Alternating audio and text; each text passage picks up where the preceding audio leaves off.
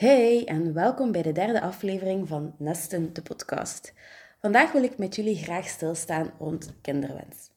Als je aan kindjes vraagt wat ze later willen worden, krijg je soms al snel als antwoord: Ah, mama of papa. Het zit er zo ingebakken dat als je volwassen wordt, je een kindje krijgt en een gezin start. Maar dat is niet voor iedereen even evident. Sommige personen stellen zich de vraag: Wil ik wel kinderen? Waarom wil ik kinderen? Het is een heel persoonlijke keuze, maar met grote gevolgen of verantwoordelijkheden. Anderen willen heel graag kinderen, maar vinden bijvoorbeeld niet de juiste partner. En nog anderen zitten misschien in een koppel en komen er samen niet over uit of ze al dan niet aan kinderen willen beginnen. Maar als je dan eenmaal de knoop hebt doorgehakt en je wilt voor een kindje gaan, gaat het gepaard met gevoelens, verlangens, ideeën, fantasieën over jullie toekomstige kind. Je begint je in te beelden hoe je kindje er zal uitzien, hoe jullie als gezin gaan draaien, hoe het gaat voelen om zwanger te zijn. Kortom, het dromen begint. Bij sommigen gaat het dromen over een imaginair kind al veel vroeger van start. Denk maar aan de vraag die je aan sommige kindjes stelt. Anderen beginnen er pas over na te denken tijdens of voor de zwangerschap. Eenmaal de knoop is doorgehakt, kan de weg er naartoe soms wel wat hobbeliger verlopen. Sommige vrouwen zijn meteen zwanger en anderen doen er wat langer over. In Holibi-gezinnen zullen er andere keuzes gemaakt moeten worden. Bijvoorbeeld, gaan we voor een donor, een draagmoeder of adoptie? Gaan we via een fertiliteitskliniek of doen we het zelf? Als je er bijvoorbeeld bewust voor hebt gekozen om alleen aan het ouderschap te beginnen, zal je ook heel veel verschillende pistes moeten uitzoeken. Cijfers geven aan dat 1 op de 6 koppels binnen het jaar niet spontaan zwanger wordt. Men spreekt dan van subfertiliteit. Daarna wordt meestal de stap naar medische hulp gezet. Nu, dat wil ook wel zeggen dat 5 op de 6 koppels wel spontaan zwanger wordt tijdens dat eerste jaar. Ik wil in deze aflevering vooral stilstaan bij de impact van het eerste jaar. Eenmaal de beslissing is genomen om een kindje te krijgen, kan die wens alles overheersend zijn. Het kan een grote impact hebben om elke maand op het juiste tijdstip te vrijen. De tijd tussen de ovulatie en de menstruatie in volle spanning afwachten. De teleurstelling die je voelt wanneer je toch je menstruatie krijgt. Het is heel normaal dat je ermee bezig bent. Ook al zeggen mensen, meestal goed bedoeld, laat het los, het zal wel komen. Of ik ken iemand die. Dat zijn allemaal boodschappen waar je inderdaad helemaal niets aan hebt. De periode tussen de kinderwens en de zwangerschap kan een heel intense periode zijn. Plots lijkt het alsof iedereen rondom jou zomaar zwanger wordt. Maar in de meeste gevallen weet je niet hoe hun proces of hun verhaal is gegaan. Nu, ik wil jullie nogmaals opnieuw geruststellen. 80% van de koppels zijn, of van de vrouwen zijn binnen het jaar zwanger. Ik duim en ik hoop echt met jullie mee.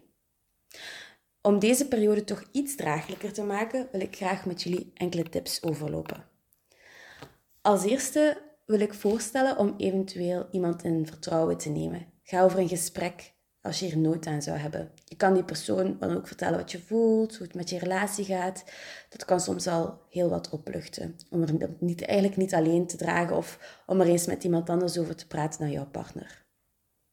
Verder, en dat is misschien wat niet veel mensen weten, kan je eigenlijk ook al voor een zwangerschap terecht bij een vroedvrouw om over jouw wens en de weg er naartoe te praten. Zij staan, zullen jou met open armen ontvangen om daar met jou over in gesprek te gaan.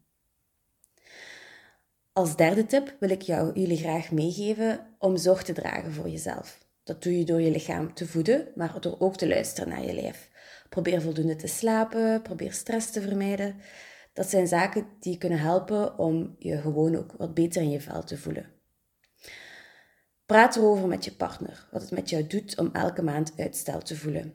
En vraag ook aan je partner hoe hij of zij er zich bij voelt. Zoek uit wat jullie als koppel nodig hebben om die periode wat draaglijker te maken. Nu, dat is nu een persoonlijke tip dat ik ook ga delen, is wat dat bij mij hielp wanneer ik zwanger probeerde te geraken, was telkens als ik mijn menstruatie kreeg, om, ja, het eerste gevoel was een teleurstelling. Maar daarna probeerde ik het ook een beetje om te denken.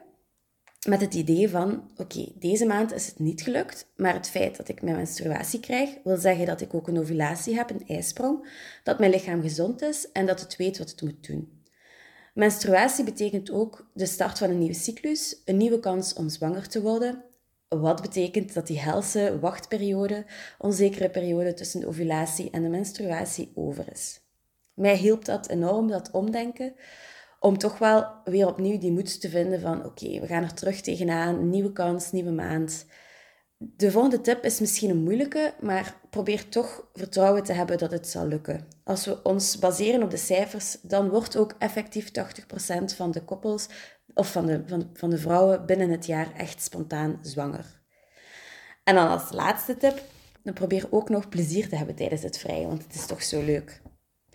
Nu, zit je in het midden van dit proces en merk je dat het toch te veel wordt, je bent zeker welkom uh, bij Neste om hier met mij over in gesprek te gaan. Wil je deze aflevering graag nog eens nalezen? Dat kan zeker op de blog die je kan vinden op mijn website www.nesten-ondersteuning.be. De link vind je ook in de show notes. Heb je een vraag of wil je graag een gesprek inplannen? Je bent zeker welkom, dus neem gerust contact op. Dat kan via het contactformulier die je kan vinden op mijn website of via een berichtje op Instagram. Je kan mij vinden op nesten.be. Laat zeker weten wat je vond van deze aflevering. Dankjewel voor het luisteren.